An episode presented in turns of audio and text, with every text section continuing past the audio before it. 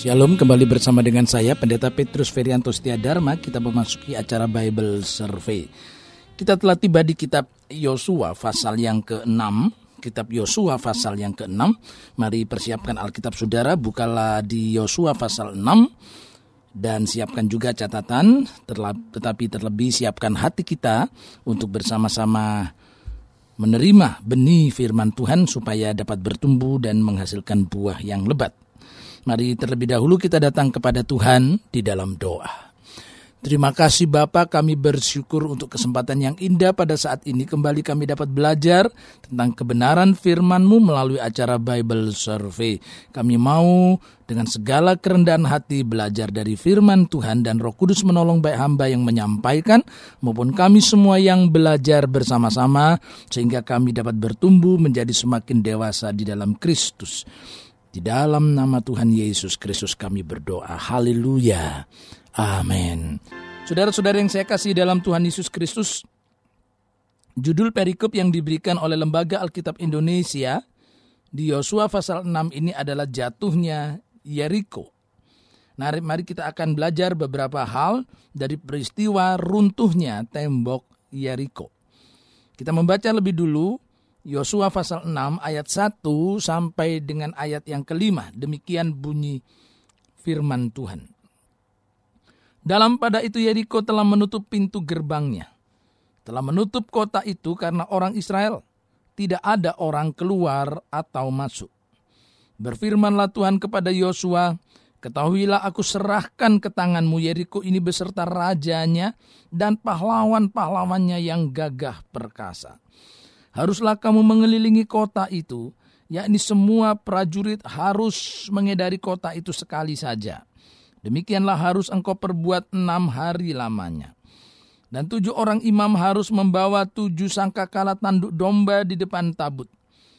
Tetapi pada hari yang ketujuh, tujuh kali kamu harus mengelilingi kota itu sedang para imam meniup sangkakala. Apabila sangkakala tanduk domba itu panjang bunyinya, dan kamu mendengar bunyi sangkakala itu, maka haruslah seluruh bangsa bersorak dengan sorak yang nyaring. Maka tembok kota itu akan runtuh. Lalu bangsa itu harus memanjatnya masing-masing langsung ke depan. Nah, saudara-saudara, kita melihat pelajaran yang pertama di sini bahwa untuk dapat menaklukkan kota Yeriko, ada petunjuk yang diberikan oleh Tuhan kepada Yosua dan kepada seluruh umat Tuhan. Ada petunjuk Tuhan untuk menaklukkan kota Yeriko. Ada petunjuk Tuhan untuk menaklukkan musuh.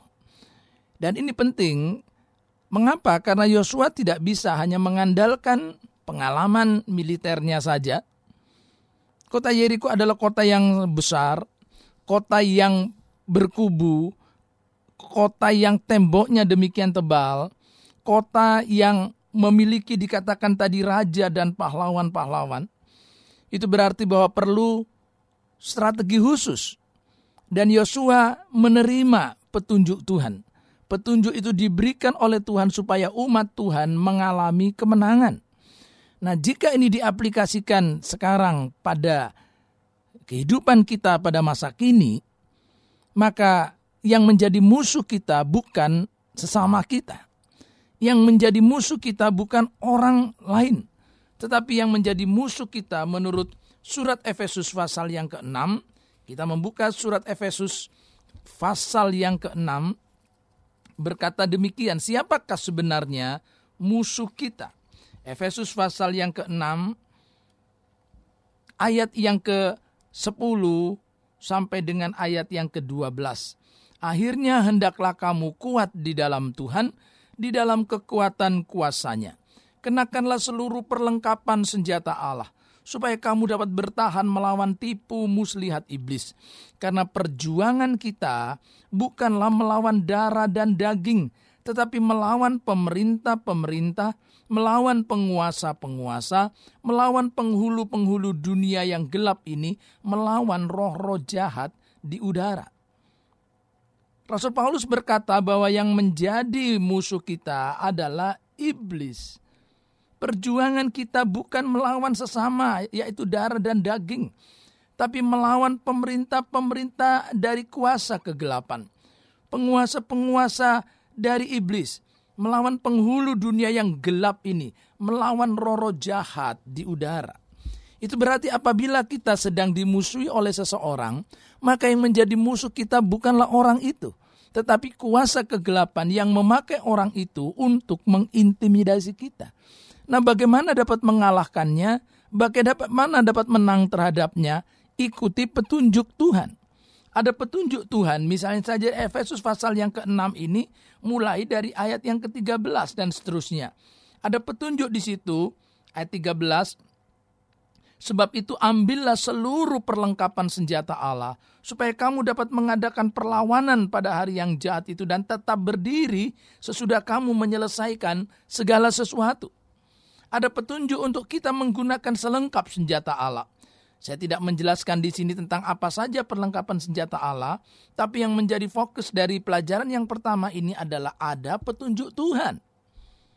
Nah, kalau kita mencoba melawan kuasa kegelapan, melawan tipu muslihat iblis dengan cara kita sendiri, tentu kita bisa kalah.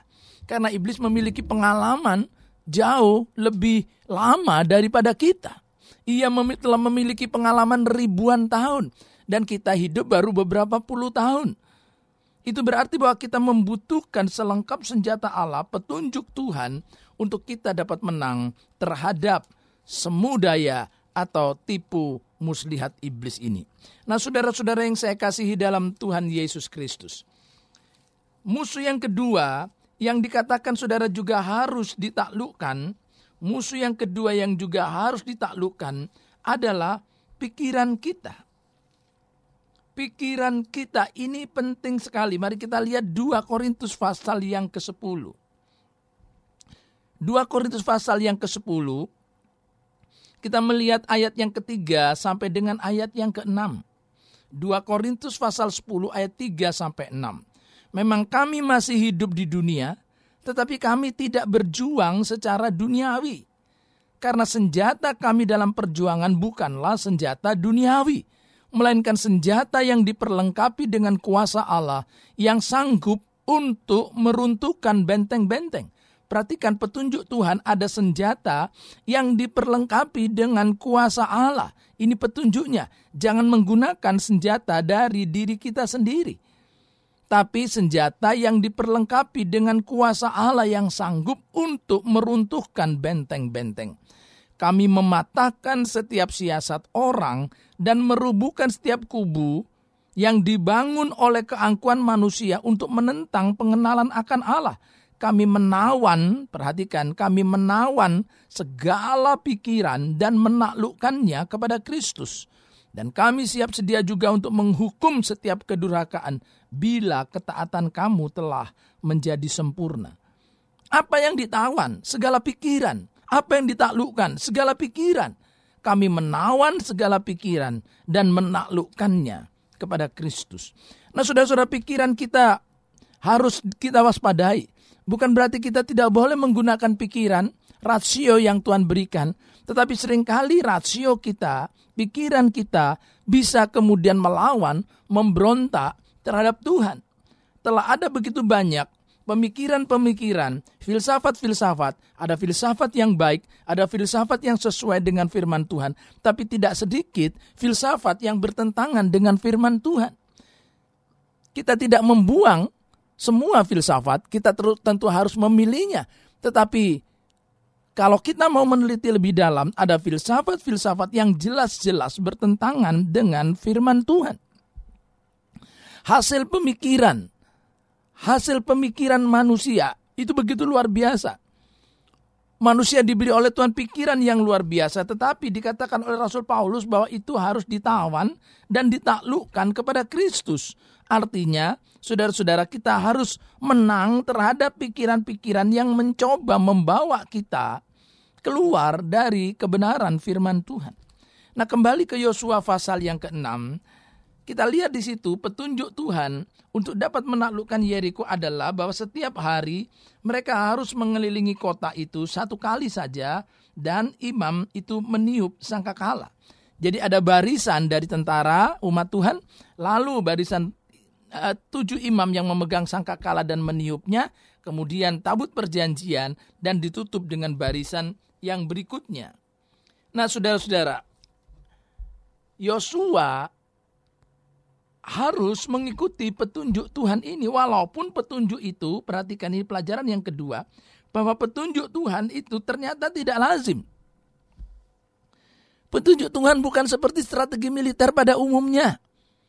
Mereka hanya disuruh mengelilingi kota itu setiap hari sekali. Dan kemudian pada hari yang ketujuh mereka harus mengelilingi kota itu tujuh kali. Itu ayat yang keempat tadi. Tujuh im, orang imam harus membawa tujuh sangkakala tanduk domba di depan tabut.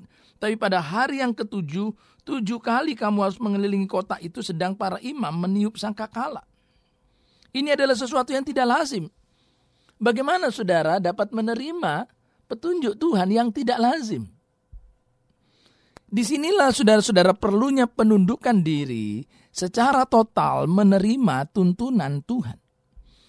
Seringkali firman Tuhan yang diberikan kepada kita yang kita dengar bukanlah sesuatu yang kita pandang lazim sebagaimana umumnya. Wah, kalau saya mau sembuh dari penyakit saya, Katanya saya harus mengampuni orang lain. Sepertinya itu tidak lazim. Apa kaitannya antara pengampunan dengan kesembuhan? Tetapi jika itu kita lakukan, saudara-saudara, maka apa yang kita pandang tidak lazim menghasilkan kuasa yang besar, pemulihan yang luar biasa, dan banyak orang yang berserah, banyak orang yang menaati perintah Tuhan itu walaupun tidak mereka mengerti, mereka mau melakukannya, dan kemudian mereka mengalami pemulihan yang luar biasa. Mereka mengampuni orang yang telah menyakiti hati mereka dan sakit mereka pun disembuhkan. Dan ada petunjuk-petunjuk yang tidak lazim lain dalam firman Tuhan. Misalnya saja Yesus berkata, jika kamu dipukul, kamu ditampar, pipi kananmu berikan juga pipi kirimu. Ditampar pipi kanan, itu pasti saudara-saudara bukan ditampar dari depan.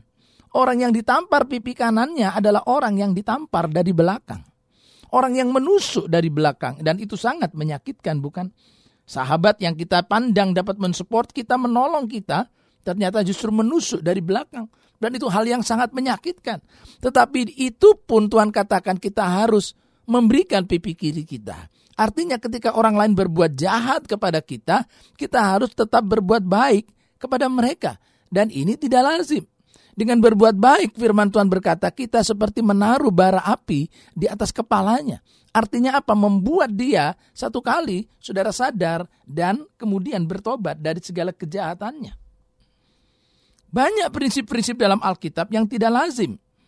Tetapi jika kita mau mengikutinya, maka kita akan mengalami pemulihan, kemenangan daripada Tuhan.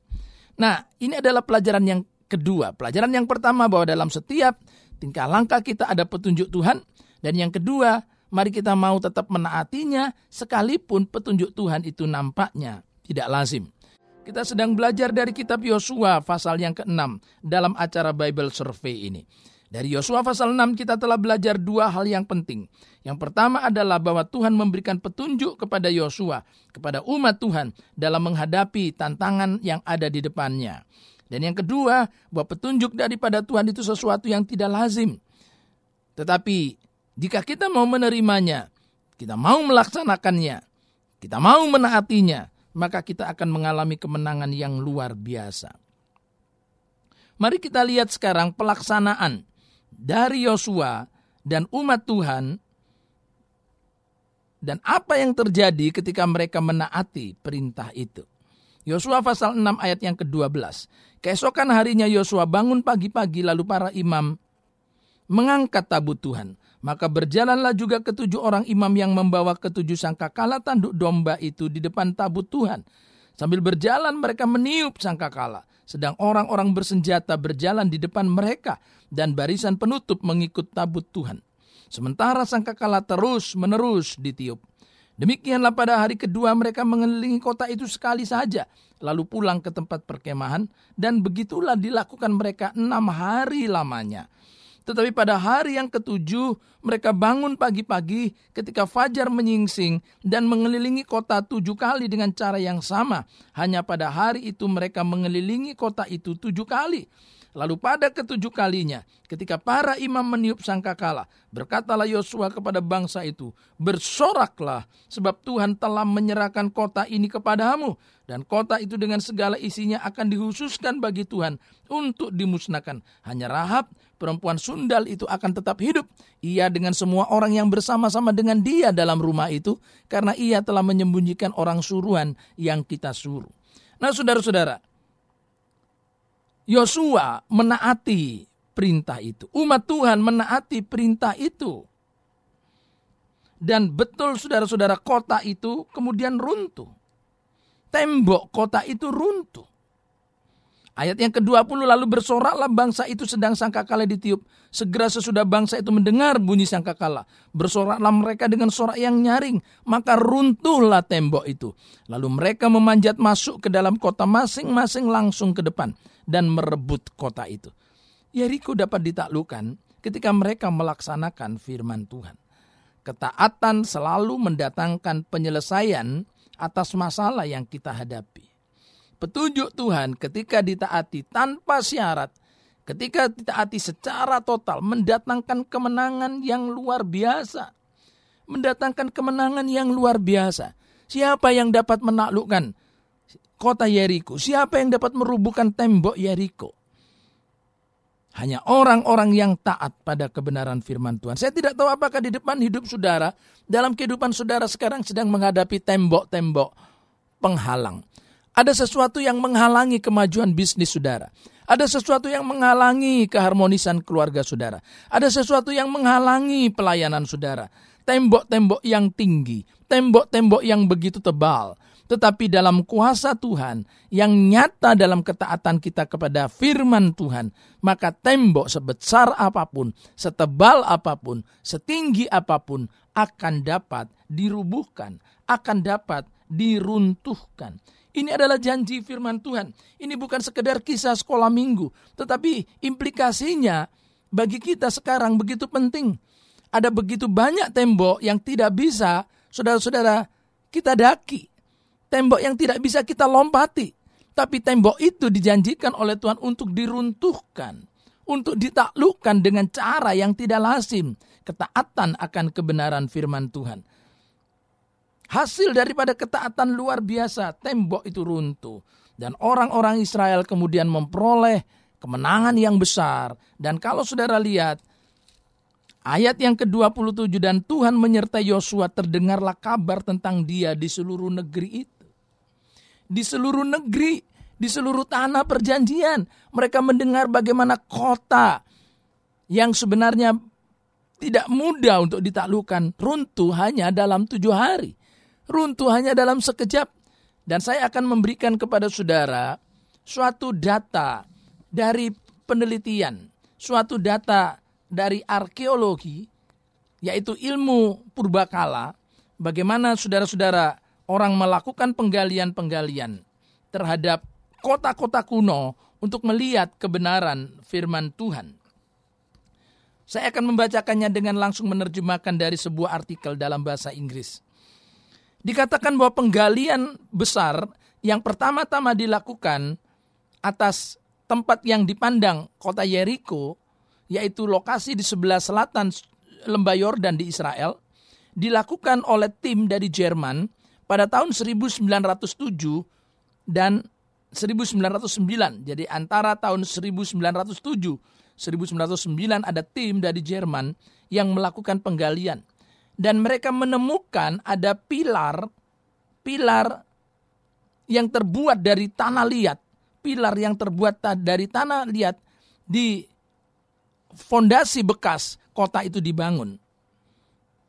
Dan itu belum nyata benar apa pilar itu sampai kemudian ada seorang ahli arkeologi dari Inggris yang bernama Kathleen Canyon melakukan penggalian ulang situs itu dengan menggunakan metode modern pada tahun 1950.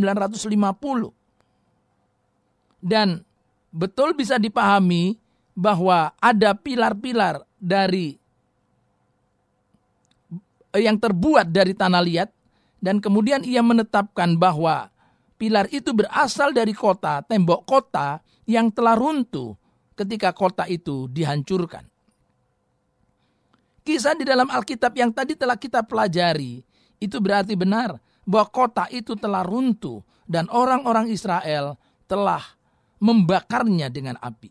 Para ahli, arkeologi menemukan bukti adanya kehancuran yang masif karena api dibakar oleh api sebagaimana firman Tuhan katakan. Dan Kenyon menulis dalam laporan penggaliannya demikian. The destruction was complete. Kehancuran itu total. Kehancuran itu tuntas. Walls and floors were blackened and reddened by fire. Temboknya, dasar-dasarnya menghitam dan memerah atau memerah karena api. And every room was filled with fallen bricks. Dan setiap ruangan, setiap ruangan, setiap tempat itu penuh dengan reruntuhan dari batu bata, timbers and household utensils, dan juga peralatan perlengkapan bangunan-bangunan rumah semuanya. In most rooms, the fallen debris was heavily burned. Dan beberapa bangunan-bangunan yang roboh itu banyak onggokan-onggokan dari batu bata. Nah, sudah-sudah apakah yang menyebabkan tembok Jericho yang kuat itu roboh? The most likely explanation is an earthquake dikatakan bahwa penyebabnya adalah seperti sebuah gempa bumi. But the nature of the earthquake was unusual. Tetapi asal mula, apa asal usul daripada gempa bumi itu tidak umum, tidak wajar, tidak lazim. It struck in such a way as to allow a portion of the city wall on the north side of the side to remain standing, while everywhere else the wall fell. Jadi gempa bumi itu secara unik telah menghancurkan bagian besar daripada tembok Yeriko kecuali sisi selatan. Kecuali sisi selatan. Apa sisi selatan? Ada apa di sisi selatan dari Yeriko? Dikatakan itulah tempat rumah Rahab. Dikatakan saudara dalam pasal sebelumnya, pasal yang keempat bagaimana Rahab, seorang perempuan sundal yang telah menolong mata-mata yang diutus oleh Yosua tinggal di tembok sebelah selatan dari tembok Yeriko ini. Dan kalau saudara lihat, itulah yang ditemukan oleh para ahli arkeologi. The preserved city wall on the north side of the city had houses built against it. Dan dikatakan bahwa ada bukti di, kot, di tembok kota sebelah selatan itu ada rumah yang dibangun di atasnya. Nah, kemudian saudara-saudara, kalau kita melihat the timing of the earthquake, waktu terjadinya gempa bumi, and the manner in which it selectively took down the city wall suggests something other than a natural calamity. Jadi ini sesuatu yang tidak wajar. Lebih daripada sekedar bencana alam, bencana natural. Tapi ada ada semacam divine force dikatakan oleh para ahli ini. A divine force was at work.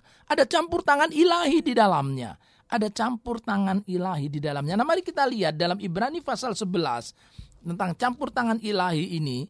Ini saudara-saudara merupakan bukti-bukti yang tak terbantahkan dan ini bukan sekedar satu uh, kisah-kisah uh, uh, mitos, tetapi ini adalah suatu fakta sejarah yang luar biasa. Ibrani pasal yang ke-11 ayat yang ke-30 dan 31.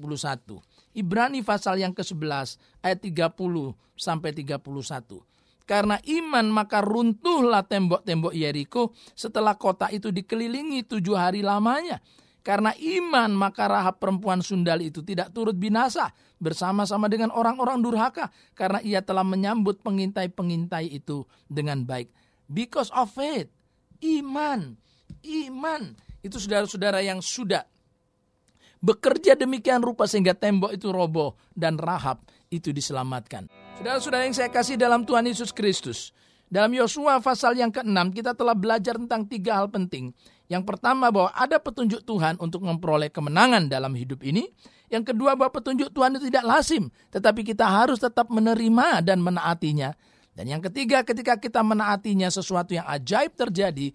Kuasa Tuhan bekerja dan tantangan-tantangan dalam hidup ini dapat teratasi. Lalu yang keempat adalah beberapa bukti-bukti dari arkeologi tentang kehancuran kota Yeriko. yang dilakukan oleh para ahli ketika mereka melakukan penggalian-penggalian. Dan sekarang saya lanjutkan dengan beberapa catatan dari arkeologi. Pada musim semi tahun 1997, ada dua orang ahli arkeologi Italia yang melakukan satu penggalian terbatas pada daerah Jericho kuno. Namanya adalah Lorenzo Nigro dan Niccolo Marchetti yang bekerja di bawah Departemen Arkeologi Palestina menggali selama sebulan apa yang telah dilakukan oleh Catherine Canyon, yaitu di sebelah barat dan sebelah timur. Mereka menggali, saudara, satu ekspedisi asing eh, yang dibawa kendali daripada penguasa Palestina di sisi barat yang dimulai pada tahun 1994. Dan sesudah mereka menggali, Nigro dan Marchetti mengumumkan bahwa mereka menemukan tidak ada bukti katanya adanya suatu kehancuran dari zaman Yosua. Dan kalau mereka mengatakan seperti ini, maka para komunitas akademik melihat detail daripada penemuan mereka, pengumuman mereka yang menyatakan bahwa penggalian ini hanya untuk untuk membatalkan bukti dari Alkitab bahwa Yosua itu telah menaklukkan kota Yeriko. Tetapi pertanyaannya adalah apakah otoritas Palestina mendukung penggalian ini untuk menyatakan tujuan bahwa eh, tidak ada kaitan antara orang-orang Israel kuno dalam menaklukkan kota Yeriko. Nah, terhadap bukti mereka, Dr. Brian Wood, direktur dari Associates for Biblical Research, yaitu asosiasi untuk penelitian-penelitian berdasarkan Alkitab, dan salah satu ahli terkemuka tentang arkeologi Yeriko memberikan respon demikian. Ya nampaknya kecil sekali para ahli arkeologi Italia itu untuk tidak menemukan apa yang mereka lakukan. Karena buktinya sudah ada di situ. Tapi kalau mereka cuma menggali sebulan, mereka mungkin tidak mendapatkan apa-apa. Penelitian utama, tiga penelitian utama terhadap situs itu selama 90 tahun ini merupakan bukti yang tidak terbantahkan yang mendukung apa yang dikatakan oleh Alkitab. Itu berarti bahwa arkeologi Italia tadi dua orang tadi yang hanya menggali sebulan, saudara-saudara yang mengatakan bahwa tidak ada bukti yang dapat dikaitkan dengan kehancuran Yeriko dalam Alkitab dapat dibantah. Dan Brian Wood ini telah membantahnya. Dan sebagaimana Wood telah menunjukkan kepada kita maka seorang yang ahli juga yaitu John Garstang dan Kathleen Canyon yang keduanya telah menggali kota Jericho selama enam musim dan juga penggalian Jerman yang diarahkan oleh Ernst Selin dan Karl Watzinger yang juga telah menggali sebagai arkeolog yang ketiga dan semuanya menemukan bukti yang begitu limpah terhadap kehancuran kota oleh api sebagaimana dinyatakan oleh Alkitab yang terjadi pada sekitar tahun 1400 sebelum Masehi. Nah, dengan demikian saudara-saudara, dalam dalam pencarian bukti terhadap kebenaran firman Tuhan selalu ada dua sisi.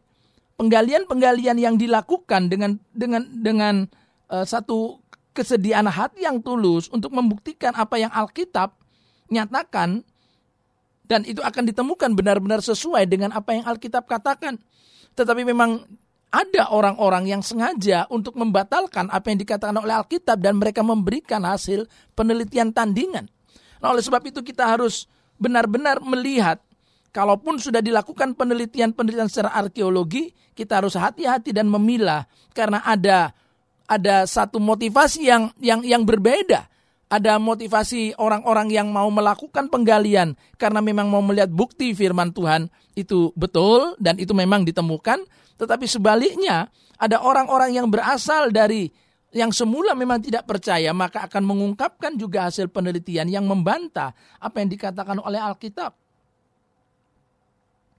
Sehingga dengan demikian saudara-saudara, maka kita perlu sungguh-sungguh menseleksi apa yang dikatakan orang terbukti tidak terbukti, kita mesti belajar lebih dalam dan kita harus melihat adanya upaya-upaya untuk mementahkan mementahkan saudara-saudara, tentang kebenaran firman Tuhan.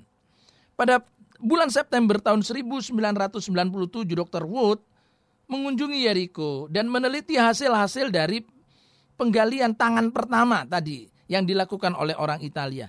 Dan ajaibnya ia menemukan bahwa arkeolog Italia tadi dua orang itu ternyata tidak membuka batu yang sedang menutup sesuatu. Itu berarti bahwa mereka, saudara-saudara, tidak mengungkapkan yang sebenarnya. Jadi kalau itu dilanjutkan, dikatakan tadi hanya penelitian sebulan, kalau itu dilanjutkan beberapa waktu lagi, maka mereka akan membuka batu yang menutup bukti yang ada dalam Alkitab. Sehingga dengan demikian, sebenarnya hanya perlu waktu sedikit lebih lama untuk melakukan penggalian itu. Itu yang dibuktikan oleh Dr. Wood. Dia, dia, dia mengunjungi tempat yang telah digali oleh orang Italia dan e, sungguh saudara-saudara sesuatu yang luar biasa dinyatakan bahwa kalau saja kedua orang Italia mau menggali lebih lama lagi dari sebulan itu, maka mereka akan menemukan kesimpulan yang sama. Inilah rapor, laporan yang disampaikan oleh Wood. The Italian excavation actually uncovered most of critical evidence relating to the biblical story. Jadi penggalian orang yang dilakukan oleh orang Italia itu secara nyata tidak membuka banyak bukti-bukti kritis yang berkaitan dengan kisah Alkitab. But even more exciting is, tetapi yang lebih menarik adalah the fact that all the evidence from the earlier digs has disappeared over time. Jadi bukti yang telah dilakukan dalam penggalian terdahulu itu ternyata telah tidak nampak lagi karena waktu. We only have records, drawing, and photos. Kita hanya bisa merekam, menggambar, dan memotret. But the Italians uncovered a completely new section of the wall which we did not know still existed. Tetapi orang-orang Italia tadi telah membuka suatu bagian baru secara lengkap dari tembok itu yang kita tidak tahu sampai benar-benar ada. I had my photograph taken standing next to the wall where the mud brick collapse has just been excavated. Dan justru Wood menemukan apa yang tidak dibuka oleh orang-orang Italia itu kemudian didapati dari hasil fotonya bagaimana betul ada bukti kehancuran kota Jericho. Nah sayangnya saudara-saudara dikatakan unfortunately the Italian archaeologist ahli arkeologi Italia tadi the Palestinian Authorities, penguasa Palestina, dan juga Associated Press, dan saudara tahu kantor berita utama Associated Press, dan banyak, banyak bagian-bagian dunia lain yang tidak mau saudara melihat realitas ini. Dikatakan bahwa ada komentar-komentar yang menyedihkan pernyataan-pernyataan yang dilakukan oleh para arkeolog di uh, daerah uh, tanah perjanjian itu. Dan kalau saudara melihat di sini bahwa sekali lagi saya sampaikan kita harus berhati-hati karena Wood melihat sebenarnya kalau mau secara jujur itu disampaikan ada begitu banyak bukti yang bisa diungkapkan untuk melihat kebenaran firman Tuhan tetapi ada orang-orang yang sengaja mungkin tidak memperbancang waktu penggalian atau sengaja menutupi sesuatu atau justru mencari saudara hal-hal lain untuk mematahkan apa yang dikatakan oleh firman Tuhan. Oleh sebab itu kita harus punya apa yang disebut dengan karunia membedakan roh. Ada upaya-upaya yang yang yang mengamini apa yang firman Tuhan katakan dan Tuhan menolong upaya-upaya itu, tetapi kita harus hati-hati. Ada juga upaya-upaya yang di, di, di, di latar belakangi oleh ketidakpercayaan akan kebenaran firman Tuhan. Biar kiranya Tuhan menolong kita dan hidup terus dalam kemenangan. Ada tembok-tembok di depan kita. Taati petunjuk daripada Tuhan. Walaupun nampaknya tidak lazim dan kita akan memperoleh kemenangan yang besar. Dengan cara Tuhan, bukan dengan cara kita. Dengan kuasa Tuhan, bukan dengan kuasa kita. Tuhan memberkati firman-Nya. Amin. Terima kasih Bapak kami bersyukur kami telah belajar dari kebenaran firman-Mu. Bagaimana tembok Yeriko yang tebal itu telah runtuh. Oleh karena kuasa Tuhan. Oleh karena pertolongan Tuhan. Oleh karena campur tangan Tuhan. Dan kami tahu kemenangan itu juga diberikan kepada kami.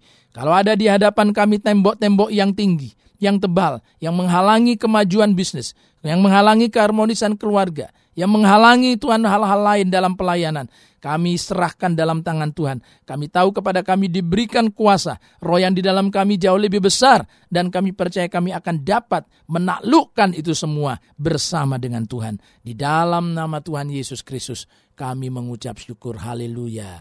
Amin.